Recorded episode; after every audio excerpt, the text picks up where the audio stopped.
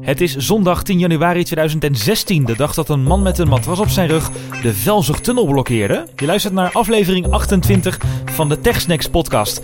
Ik ben Raymond, tegenover mij het Maarten en in 40 minuten spreken wij vier tech-onderwerpen. Welkom bij TechSnacks!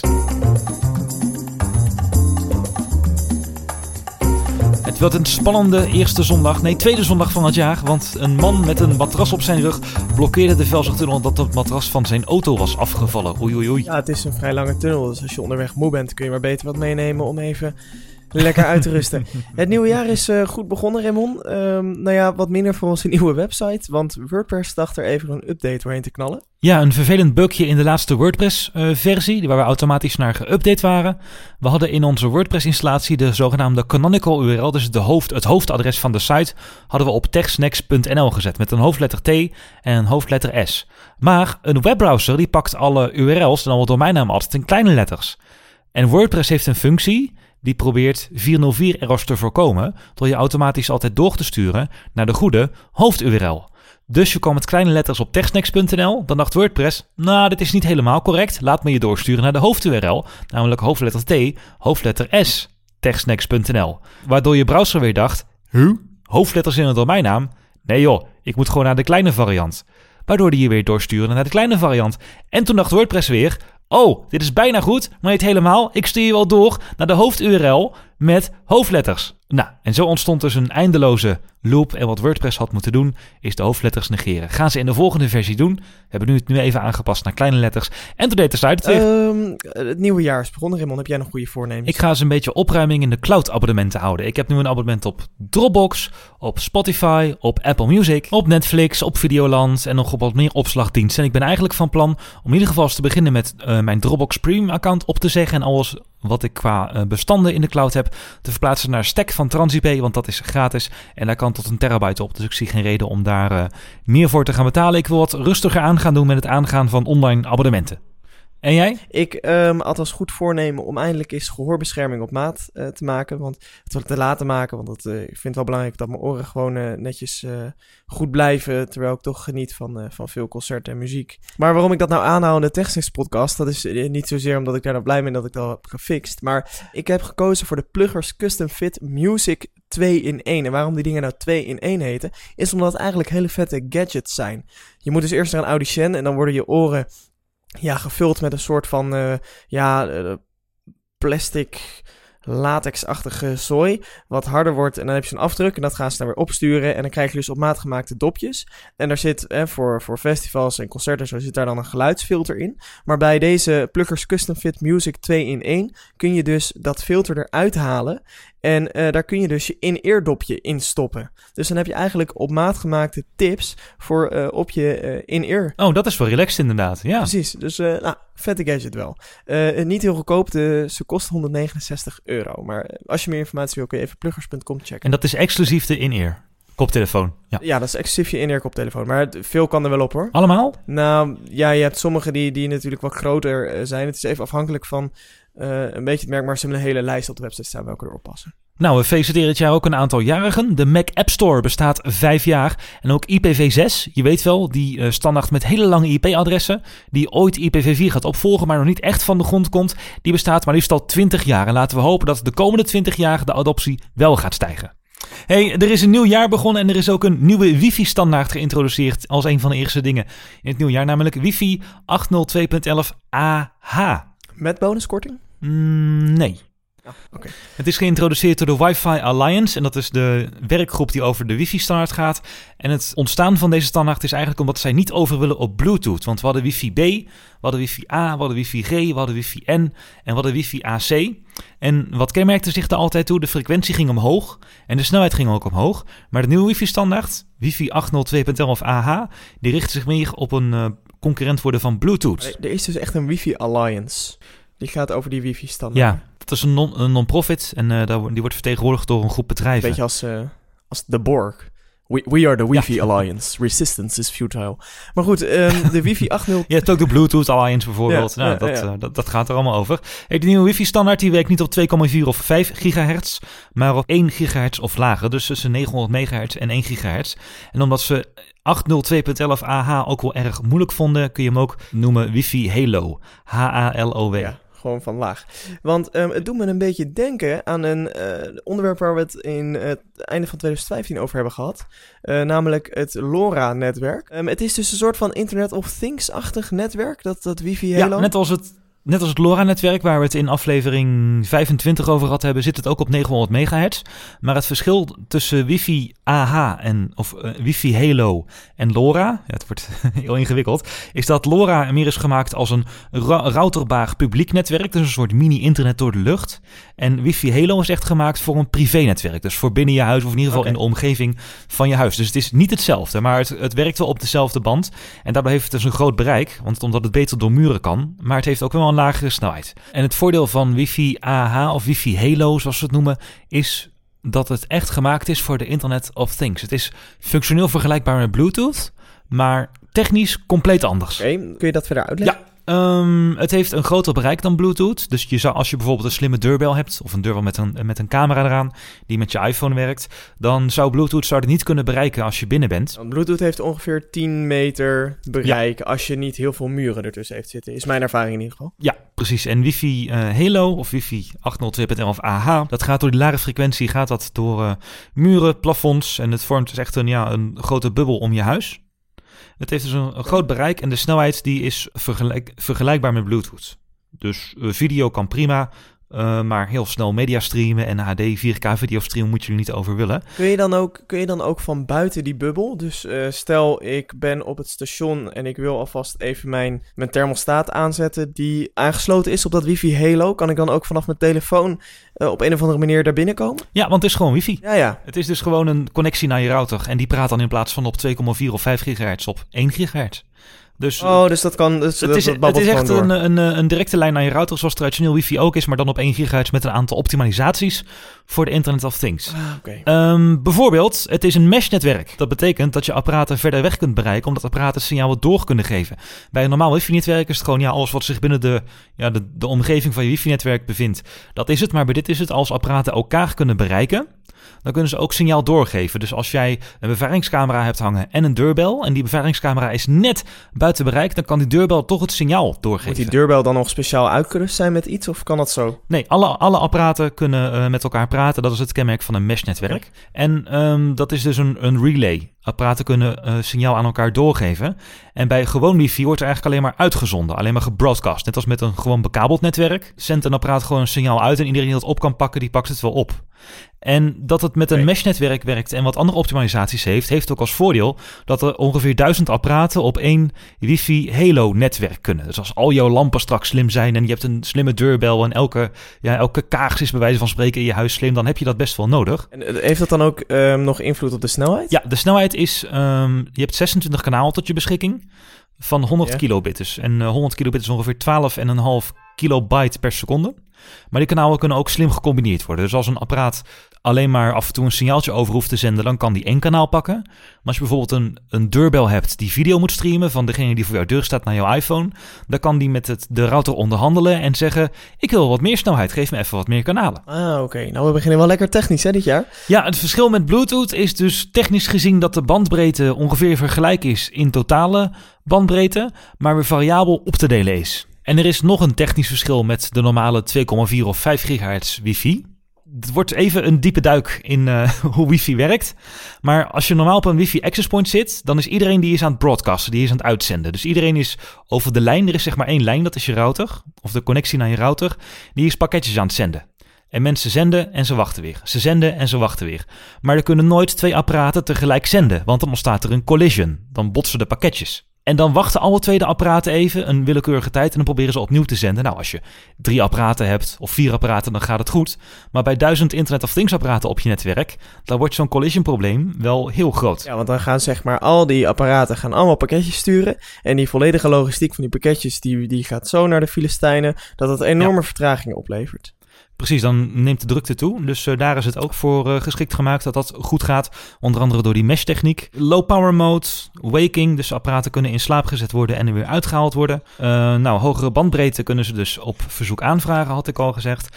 En um, het heeft een laag verbruik tegenover traditioneel wifi en het kan eigenlijk in iedere router geïntegreerd worden. We moesten ook allemaal ooit over naar 5 gigahertz. Nou, dan kan er in de volgende generatie routers ook een uh, 1 gigahertz een netwerk voor de Internet of Things komen. Wanneer verwachten we de eerste routers met... Uh, met... 2017, 2018. Okay. En dan hopen we ook dat de eerste apparaten het gaan ondersteunen. En het voordeel, echt het we hebben nu allemaal heel technisch gepraat, maar concreet, dit kan iedereen zich voorstellen. Als jij nu Philips Hue lampen hebt, dan heb je een hub nodig. De lampen praten met de hub en de hub praat met je router. Maar als jij genoeg IPv6-adressen hebt en het netwerk is een standaard, heeft iedere lamp zijn eigen IP. Iedere lamp praat direct met jouw router. Geen hub meer nodig. Oké, dus dat betekent dat in de toekomst, als je zo'n router hebt, er extra kastjes voor je internet of things spullen, dus voor je connected gear in je huis, niet meer nodig zijn. Nou, dat Precies. is positief. En daarmee sluiten we dan ook dit onderwerp af als eerste techsnack van 2016. En gaan we door met Twitter. Want onlangs, Raymond, heb jij Twitter doodverklaard. In het uh, techsnacks kerstdiner. Precies zei ik, ja, de rek is er wel een beetje uit. Ja, en toen begon 2016 en uh, toen begon Twitter met allerlei aankondigingen. Laten we even helemaal teruggaan naar het begin. Uh, Twitter in drie punten. Um, als je dat heel snel zou moeten noemen, dan zeg je nou, het is een chronologische tijdlijn. Een tweet heeft 140 tekens en er zijn hashtags. Dat, ja. is, dat is de definitie van Twitter. Nou ja, um, een bedrijf moet blijven innoveren. Een bedrijf moet uh, hè, interessant blijven. Dus ook Twitter, want Twitter is gewoon een beursgenoteerd bedrijf en moet dus ook blijven innoveren, vernieuwen. Um, ze zitten wel vrij vast aan het concept, dus probeerde Twitter al het een en ander. Bijvoorbeeld een, een niet-chronologische weergave, hebben we het ook wel eens over gehad. Hè? En terwijl je ja. weg was, functie, zie je ineens tweets die je allemaal hebt gemist, die mogelijk interessant zijn, op basis van allerlei logaritmes dat ze dat dan hebben bedacht.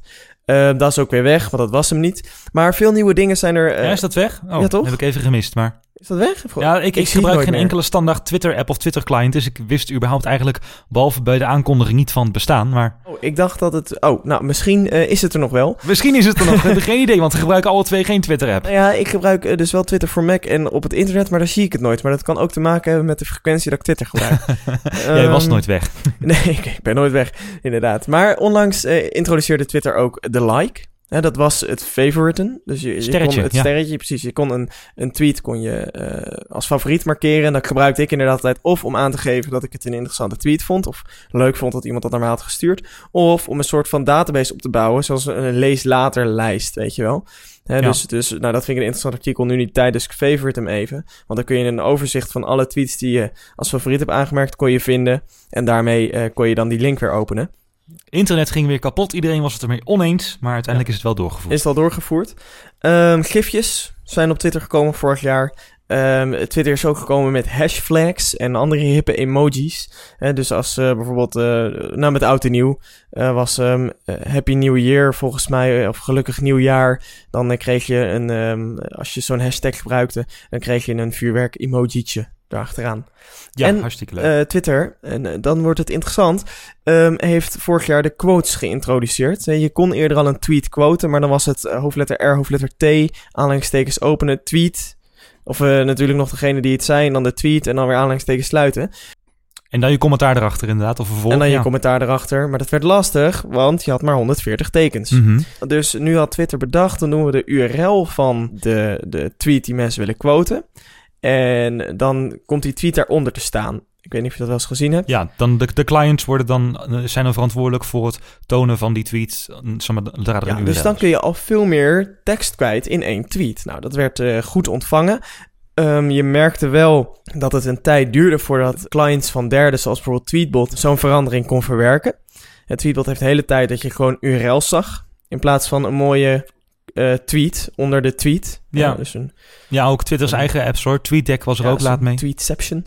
Um, dus, maar goed, daarmee is de tweet al iets uitgebreid en ging het al over de 140 tekens heen. Want en daar gaan we nu heen. Afgelopen week uh, kopte Recode Twitter considering 10.000 character limit for tweets. 10.000? 10.000 karakters in plaats van de huidige 140. Uh, check even TechSnacks op Twitter, TechSnacksNL. Uh, daar heb ik even een screenshot gemaakt van hoe dat er dan uitziet. Zo'n um, tweet met 10.000 uh, karakters erin.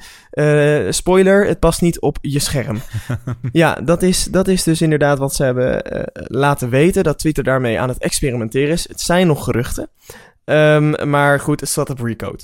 Ja, en over het algemeen beschikken die wel over bronnen die over het algemeen wel betrouwbaarder zijn dan een Aziatische website die claimt dat de iPhone 7 geen headphone jack meer krijgt.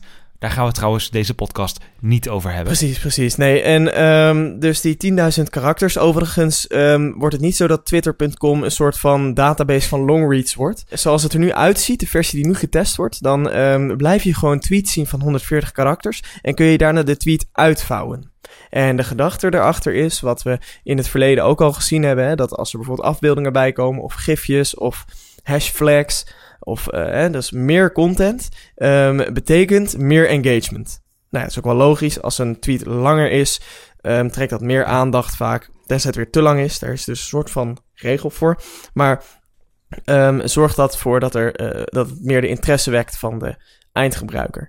Um, we zagen ook al dat er bestaande trends waren hieromtrent. Hè. Dus we hebben in het begin van Twitter had je websites uh, die de tweets afmaakten. Oh ja, tweet longer of zo was dat, ja. Tweet longer, precies. Dan kon je daar je tweet in tikken van, uh, van, van nou ja, teken, 300 tekens of zo. Of, of 400 tekens. En dan werd dat getweet met uh, halver, na, na zo'n 140 karakters een URL. Of nee, iets minder dan, zo'n 100 karakters een URL. En dan... Um, kon je op die URL klikken en dan kwam je op die Tweet Longer website en daar kon je dan de hele tweet lezen. Nou, een beetje omslachtig. Ja. Einde van 2015 werden de screenshots van de notities-apps op de telefoon populair. Ja. Mensen die een statement wilden maken op Twitter en dat niet in 140 tekens gevat kregen, die uh, gingen massaal in uh, de notities-app op iPhone of uh, nou ja, elke smartphone heeft wel een notities-app. Ging daar dan het verhaal uittikken en daar dan weer een screenshot van publiceren op Twitter. Dus nou ja, er is wel een vraag naar, maar 10.000 karakters. Weet je wat ik denk dat hierachter zit? Facebook is natuurlijk gekomen met instant articles. Waardoor artikelen native op Facebook verschijnen. En ik heb altijd al gezegd, Twitter wil heel graag Facebook zijn. Dat is in deze dan, wil Twitter ook graag dat mensen en sites hun hele artikel op Twitter kunnen delen. Dat is voor de consument gunstig, want hij ziet het meteen op Twitter. En het is voor Twitter gunstig, omdat niemand zijn platform meer afhoeft om naar een linkje te gaan. Want wat we nu vooral zien bij Twitter, is dat de kop wordt getwitterd met 140 tekens. Misschien van een nieuwsbericht nog een plaatje erbij of een uitgerichte afbeeldingen bij. Maar je moet altijd klikken om meer te lezen. En ik denk dat Twitter heel graag wil dat mensen dat meer lezen. Dus ook de, hè, de uitvouwknop, dat ze daarbij ook nog op twitter.com blijven. En dat natuurlijk kunnen omringen met advertenties, et cetera. Ik denk dat dat erachter zit. Want de, vijf, de 500 woorden kan ik me nog indenken, maar 10.000 voor normaal casual tweet gebruik vind ik wel heel veel. Nee, ik denk inderdaad dat dat wel een legitieme redenering is daarachter. Um, moet, moet dit een succes worden? Dat denk ik trouwens dat, dat de uitvoering ervan, maar vooral de vormgeving en de user experience echt nou ja, de sleutel tot succes moet zijn. En vooral de vertaling van het, eh, het product Twitter. Dus uh, die chronologische tijdlijn, 140 tekens en hashtags. Hè, het concept um, naar een uiteindelijke client. Uh, dat, dat moet heel erg goed gaan. Want um, je merkt dat Twitter als een malle aan de apps aan het werk is. Want eh, de nieuwe Mac-app is gelanceerd. En um, nou ja, daar zijn ze gewoon heel erg druk mee. Er zit ook een heel groot team achter. Want mensen gaan massaal uh, third-party apps gebruiken om Twitter mee te gebruiken. Nou ja, wij ook. En je gebruikt Tweetbot overal.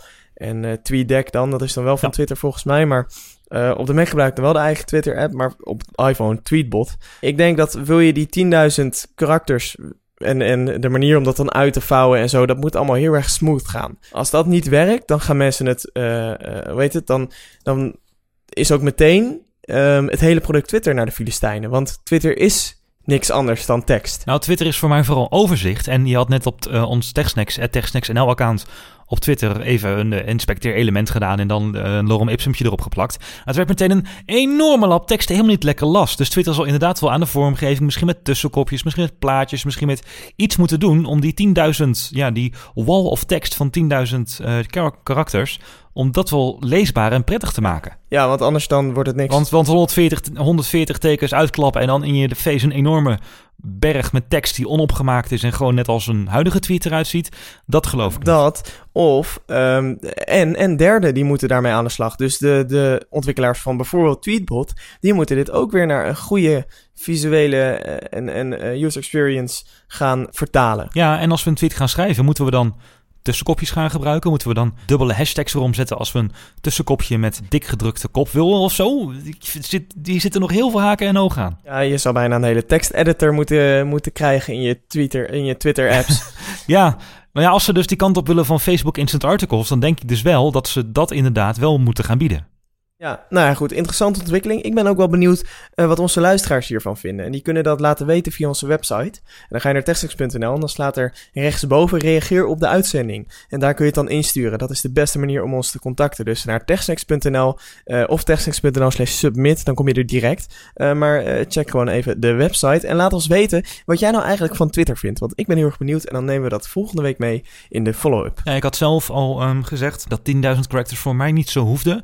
Maar dat ik het wel zou vinden als hashtags en mentions niet zouden meetellen voor de 140 tekens. Want als ik nu met een paar mensen in discussie ga, soms heb je van die onderwerpen waar je over discussieert, sluiten zich steeds meer mensen aan. En voordat je het weet heb je 10 apenstaart usernames staan en kun je nog maar twee regels tekst kwijt. Ja, het is het begin van 2016 en dat betekent dat de Consumer Electronics Show in Las Vegas uh, weer bezig is. Uh, de jaarlijks, uh, jaarlijks terugkerende grootste elektronica beurs van de wereld. Ja, in Las Vegas. Het is als je uh, op diverse perslijsten staat, dan uh, heeft je mailbox geen seconde rust. Deze week, want het is een gekte met aankondigingen. Alle fabrikanten kondigen hun nieuwe producten aan. Dat wil zeggen, alle soort van accessoires en, mag ik dit zeggen? Dat mag ik zeggen, B-fabrikanten. Want Microsoft hoor je niet, Apple hoor je niet, Google hoor je niet. Maar de rest die is, hebben hun eigen ja, momenten. Die hebben hun eigen momenten, maar de rest is allemaal op CES 2016. De grootste gadgetbeurs met vaak ook hele kansloze gadgets die eigenlijk nooit uitkomen. Maar er schijnt ook nog een heel behind-the-scenes deal bij CES te zijn. Namelijk dat grote inkopers van grote retailers ook direct met fabrikanten daar kunnen onderhandelen van... hé, hey, die nieuwe tv die je aankondigt, ik wil er wel 2 miljoen van voor Best Buy, maar dan wel voor die en die prijs. Ja, dus uh, ook gewoon lekker hosselen in Las Vegas. Ja, en ik was een beetje door de persberichten aan het bladeren. En het eerste wat ik tegenkwam was dit ding. En toen dacht ik, nee, nee, niet weer. I'm pleased to introduce to you the Samsung Family Hub refrigerator. The Family Hub refrigerator is a true home appliance revolution. With the 21 and a half inch touchscreen, you can leave notes, post photos, share calendars and artwork. You can deliver a message to the Family Hub from your Samsung smartphone. How many times have you gone to the grocery store and forgotten to buy an important item or bought something you already have? Now imagine being at the grocery store and using your smartphone to look inside your fridge. The Family Hub has built in cameras that take a photo every time you close the door. You can always see what you have wherever you go. And it gets even better. In partnership with MasterCard, the Family Hub offers a new, seamless, more convenient grocery shopping experience. En dit wordt serieus al sinds de jaren 90 geprobeerd. Een koelkast met een handig scherm erop, zodat de hele familie berichten kan achterlaten. En je kunt ook uh, de voorraad bijhouden. En er is zelfs een functie met de winkel, een koppeling met de winkel, zodat je producten kunt bestellen bij een winkel. Nee, dat, maar dat laatste, ik bedoel, dat eerste is allemaal wel grappig, ja, en dat, dat, dat ja, geloof ik ook niet zo in. Dat wordt al eens eeuwig geprobeerd, ja. Maar dat bestelsysteem, dat doet me ook een beetje denken aan uh, die knop van Amazon, zeg ik uit mijn hoofd. Oh ja, ja, de Amazon button, de dash button. De Amazon button, waar we het ook al eerder over hebben gehad. Ik denk uh, dat dat bestelsysteem, daar kan ik me nog wel in vinden. Want um, nou, ik doe natuurlijk zelf mijn boodschappen altijd via een appje. Als ik dat appje nou toch op mijn koelkast heb en ik zie dat er wat op is en ik kan in twee, drie keer tikken, zorgen dat het in mijn uh, bestelling komt te staan voor de week erop, ideaal. Dat is makkelijker dan je telefoontje zak halen, terwijl je voor de koelkast staat. Dat ja? zegt de meneer met de smartwatch. Ja, nee, maar... Ja, nee, ja, laten we het daar maar gewoon op ja, houden. is dat handiger? Oké, okay, uh, nou dat is handiger blijkbaar. nou, maar dat het, was mooiste dus is alleen... natuurlijk, het mooiste is natuurlijk als je zegt... Hey Siri, um, gooi jij even voor mij uh, twee keer uh, volle melk in mijn winkelmandje voor volgende week. Dat is natuurlijk het leukst, maar uh, ik kan me nog wel inkomen als we het dan toch hebben over een slimme koelkast en Internet of Things.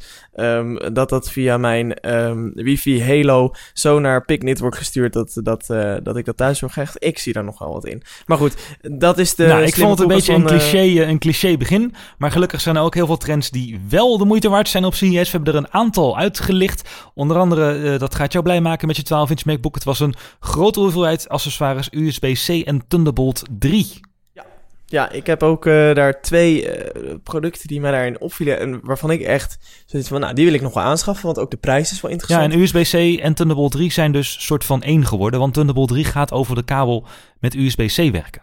Oké, Dus dat is, eh, de, die poort is wel echt de toekomst. En Apple heeft natuurlijk een gepionierd met de nieuwe MacBook. Die bij jou op je bureau staat. En het was even afwachten van...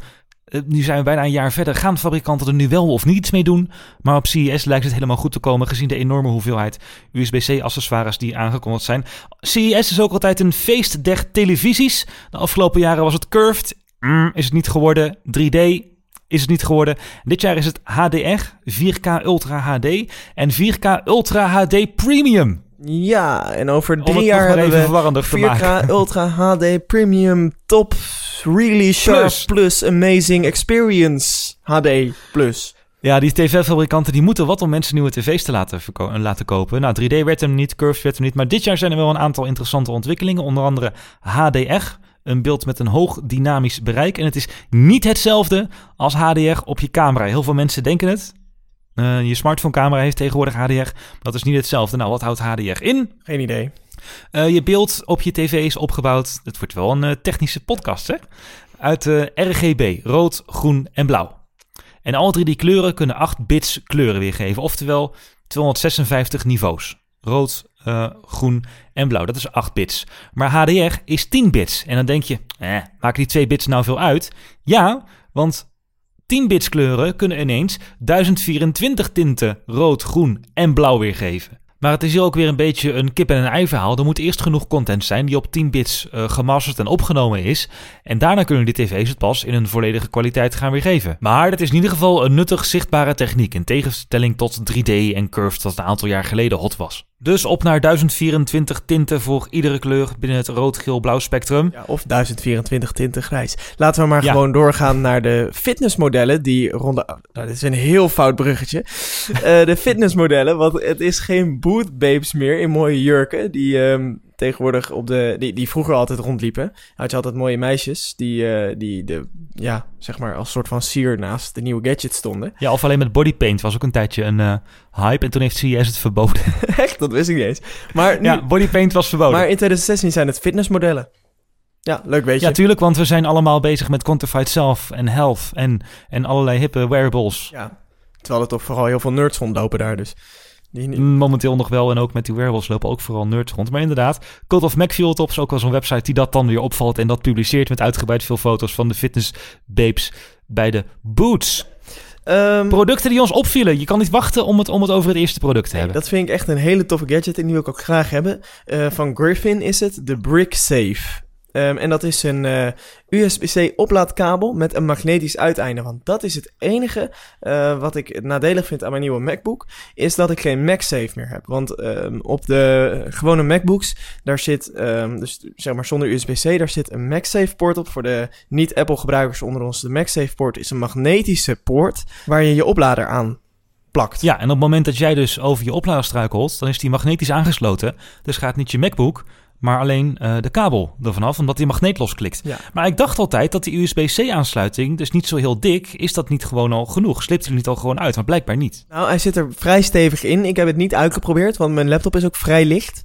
Ehm, dus een magnetische... Wat, wat, wat, wat dat is dit? Ehm, het is een ja, soort van... Het is een extra USB-C-kabel en een klein adaptertje wat je in je USB-C-poort stopt. Ehm, en dat adaptertje, dat gaat dus aan die kabel, gaat dat dus vast. En op die manier ehm, eh, heb je dus zeg maar hetzelfde eh MagSafe systeem eh, als, als wat je op een reguliere MacBook hebt en niet de 12 inch. Ehm, dus dan heb je alsnog die magnetische aansluiting, dat die gewoon losklikt als iemand erover struikelt. En ja, ik zit nog wel regelmatig ergens anders te werken met mijn MacBook. En als ik hem dan een keer wil opladen, dan is dat toch vaak ook waar mensen lopen. En dan is dit wel, nou ja, wel wat prettiger. Want ja, die USB-C, ik vertrouw het niet helemaal. Weet je, ik zou met de volgende gadget die ik heb eh, uitgezocht, zou ik ook niet vertrouwen. Ik zou daar niet, nog niet ingaan. Het is de E-Hang 184 en dat is een drone die mensen kan vervoeren. Never gonna happen. het is een drone met een cabine voor één persoon of 120 kilo. Dus als je eh topzwaar bent, niet doen. Hij kan 500 meter hoog. Dat is ook lullig. Komt je drone niet van de grond? Hij kan eh, 500 meter hoog en als je wat zwaarder bent waarschijnlijk 400, maar dat terzijde. En wel 100 kilometer per uur. En er zit dus een stoel in en ook airco. Hij brengt je helaas niet heel ver, want de accu is na 16 kilometer leeg. Heb je, dus je moet eigenlijk al voor 16 kilometer landen. Ja, het is een gevaltje, hè, technologie moet vooruit en we doen het gewoon. Ehm, en nu vroeg ik mij af, maar dit lijkt meer een soort van eenpersoons helikopter en geen drone. Maar mag je hier zomaar vliegen? Dat verschilt per land. dat is dus ook nog wel een dingetje. Ehm, hij is ook niet goedkoop. Hij is tussen de 185 en 275.000 euro later dit jaar. Maar ik heb het even na zitten zoeken. Wanneer is iets nou een drone en wanneer is het nou een helikopter? Is dit ding, die EHang 184, nou een helikopter of een drone? En key punt is dat een helikopter is met de hand bestuurbaar. En een drone vliegt zichzelf. En bij dit ding hoef je alleen maar, voordat de reis begint, je begin- en je eindbestemming in te voeren. Hij stijgt vanzelf op, hij vliegt zelf de normale route en hij landt ook vanzelf. Daar hoef je zelf niks aan te doen. En dat maakt het een drone en geen helikopter. Oké, nou toch eh, zou ik er niet meteen instappen. Hij ziet er ook echt uit als een drone, hè? Hij heeft vier propellers eh, en een eh, ja, soort van skilift in het midden. Ja. En eh, daar ga je dan in zitten. Met daaronder de accupacks ook. Ja, nou goed. Ehm, een bijzondere gadget. Over bijzondere gadget gesproken. Wat ik een heel eh, hip ding vind wat eh, aangekondigd is, is de eh, Movio VR bij Crush. En dat is de eerste cockpit, als we het toch over vliegen hebben, voor VR. Dus dat is een soort van cockpit eh, van, een, van een vliegtuig. Het lijkt een beetje op, eh, op zo'n skiliftje weer. Wat aan een grote arm hangt. En die kan dus helemaal draaien en die hangt helemaal los. Eh, ja, super hip, super grappig. Een andere hippe gadget die ik heb gevonden is de Hyperdrive USB-C 5-in-1 hub. Komt in april op de markt en is eh, 69 dollar. En heeft, dat is gewoon een hele sleek ehm, USB-C hub. Het lijkt op dat Kickstarter project, wat het niet geworden is. De Hub Plus Plus. Maar deze heeft een. eh, hij past vooral heel erg mooi bij de uitstraling van je eh, MacBook 12 inch. Hij is ook in eh, dezelfde kleuren, in het goud, space gray en zilver beschikbaar.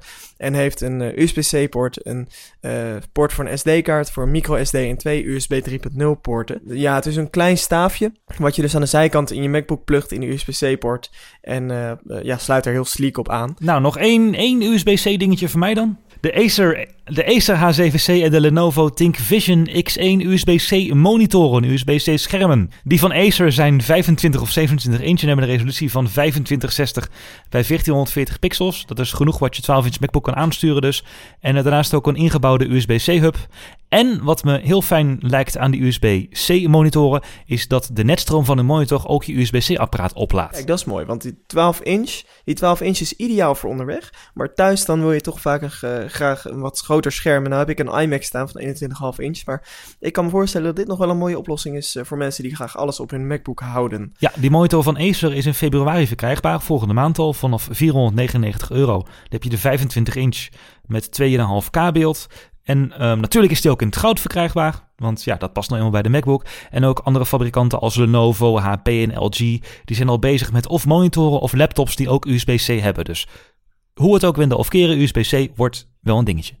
Ja, en ehm, naast dit soort hippe spulletjes ook heel veel virtual reality ehm, op de 6. En we gaan het even uitgebreid hebben over Oculus. Ken je nog het bedrijf uit 2012? Ja, dat was een eh, veelbelovend virtual reality brilletje. Nou ja, brilletje, gewoon een heel ding op je hoofd. Ja, skibril. We blijven even in de wintersportmetaforen. Eh de skibril, eh, de Oculus Rift, ehm, heeft, is eindelijk als consumentenversie uitgekomen. Of dat wil zeggen aangekondigd. Hè. Hij komt ehm, in het eerste kwartaal van 2016 uit.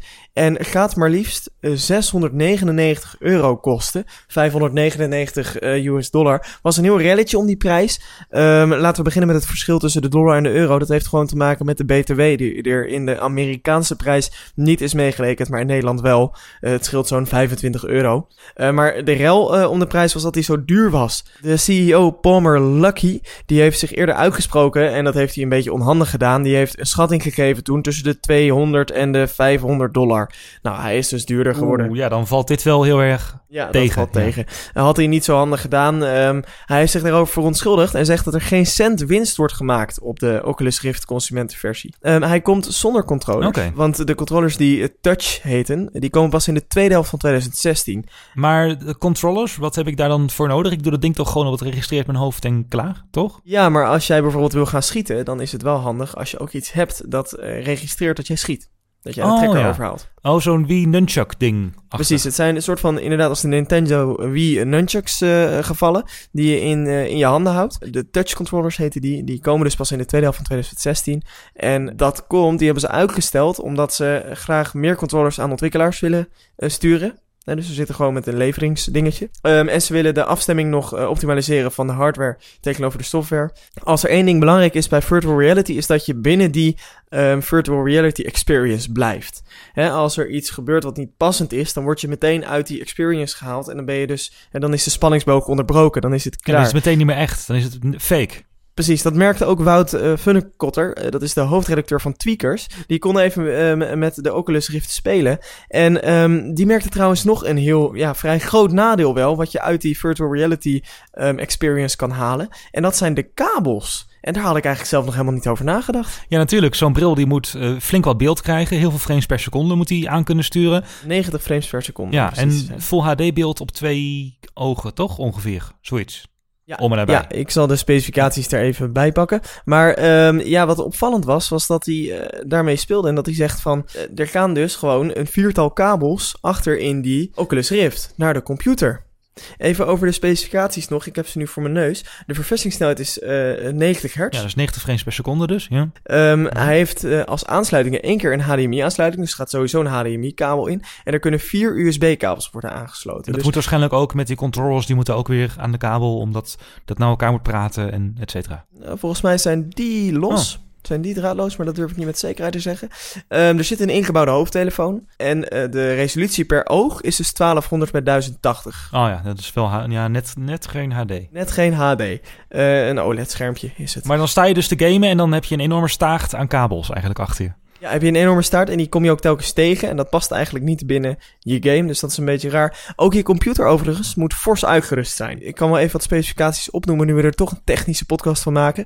De videokaart moet minimaal een Nvidia GTX 970 zijn of een AMD R9 290. En natuurlijk ook beter kan, maar in ieder geval niet minder. Ja, en die videokaarten zijn ongeveer 350 euro als je ze wil kopen. Tussen de 350 en 400 euro los. Ja. Nou, dan moet ook nog een forse processor bij, namelijk een Intel i5 4590 uh, of beter. Nou, ook 300 euro. En dan natuurlijk ook nog het werkgeheugen, 8 gigram. Um, en je moet um, als besturingssysteem moet je Windows draaien. Windows 7 met Surface Pack 1, 64-bit of nieuwer. Dus wij uh, Mac-gebruikers die vallen nog even buiten de boot. Zie, helaas. In de reclamefilmpjes van die bril zie je altijd iemand helemaal in een zwarte ruimte lopen. En dan zie je hem helemaal met die bril losgaan. Maar ja, nu heb je dus, zit je gewoon eigenlijk naast je PC, naast je game-PC. Het moet al een game-PC zijn. En ook nog aan kabels. Ja, dus uh, je bent redelijk beperkt, want ook rondlopen wordt niet geregistreerd. Rondlopen wordt overigens wel geregistreerd door een concurrent um, van, de, van Oculus. Uh, en de VR-bril van die concurrent, namelijk HTC. Die heeft de HTC Vive gelanceerd aangekondigd tijdens de uh, Consumer Electronics Show.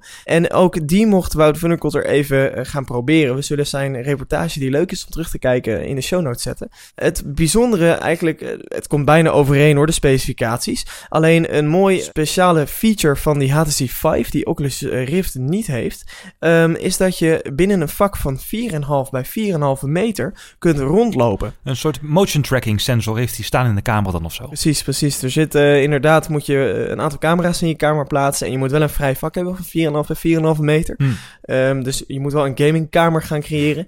Um, maar je kan dus inderdaad echt naar iets toe lopen. En, en dan gaat dus in die virtual reality ga je ook echt op iets af. En dat gaat nog niet zo um, bij de Oculus Rift. Nee, dat is gewoon zitten. Ja, dat, en, ja of ja. staan. En je kan wel om je heen Ja. bewegen met je armen. Maar echt ergens naar, naar op aflopen, dat gaat niet werken. Dat moet je dan weer met die controle doen. Maar dan denkt je- je... brein dat je loopt, maar dan zit je en nou ja. Ja, dat is gewoon mindfucking. Ik snap dat we on the cutting edge zijn in de eerste generatie, maar dit is echt voor de echte, echte die, die, die hard gamers. Ja alleen, je, ja, je moet er echt rekening mee houden dat je een eerste generatie product test. En eigenlijk nog iets wat wel heel erg in de kinderschoenen staat. Ja, wat, wat mij dan...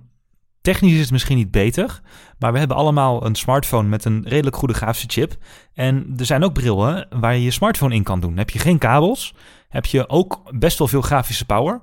Niet eh, heel erg geweldig qua graphics en qua resolutie, maar dat scheelt je wel een hoop ja, gedoe. En een smartphone heeft ook een bewegingsdetector en die kan ook zien wanneer je hoofd draait. En zou het dan niet beter zijn om in plaats van dat hele Oculus gebeuren gewoon allemaal premium Google Cardboard te hebben, denk ik haast. Ja, je, doet het net op Google Cardboard of eh, de Samsung Gear Fit. het is wel echt een andere experience. Ehm, minder interactief, uh, minder gaming. Je hebt geen, uh, geen controllers of iets. En je hebt natuurlijk ook niet die, die 4,5, 4,5 meter waar ik het net over had, hè, die, waar je in kan rondlopen. Ik denk dat dat een beetje appels met peren vergelijken is. Het is, ook, het is niet de gehele virtual reality ervaring die je gaat krijgen als um, Oculus Rift en HTC met de Vive uh, die techniek nog verder doorontwikkelen. Um, dit staat nog in de kinderschoenen, maar heeft heel erg veel potentie.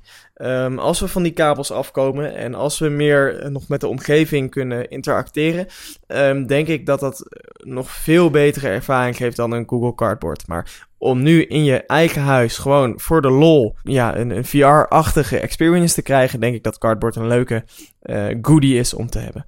Dat vind ik een wijze conclusie om deze aflevering van TechSnacks mee af te sluiten. Maar niet voordat ik iemand heb bedankt, namelijk Badgast. Althans, zo noemt hij zich in iTunes. En hij geeft ons 5 sterren en hij noemt ons een aanrader. Nou, als je ook een mening over deze podcast hebt, ga dan even naar de iTunes Podcast Store. Zoek daar naar TechSnacks en vul daar je recensie in. En geef een aantal sterren. We hebben nu 43 beoordelingen. Dit jaar moet dat wel naar de 50 kunnen, lijkt me zo. Dan rest mij nog Ben Sounds te bedanken voor de intro en de outro muziek. En ook onze sponsor NoDots.nl te bedanken voor de bandbreedte op hun snelle SSD-servers. Reageer op deze uitzending via techsnacks.nl slash submit. Wij zijn er volgende week weer. Tot volgende week. Tot volgende week.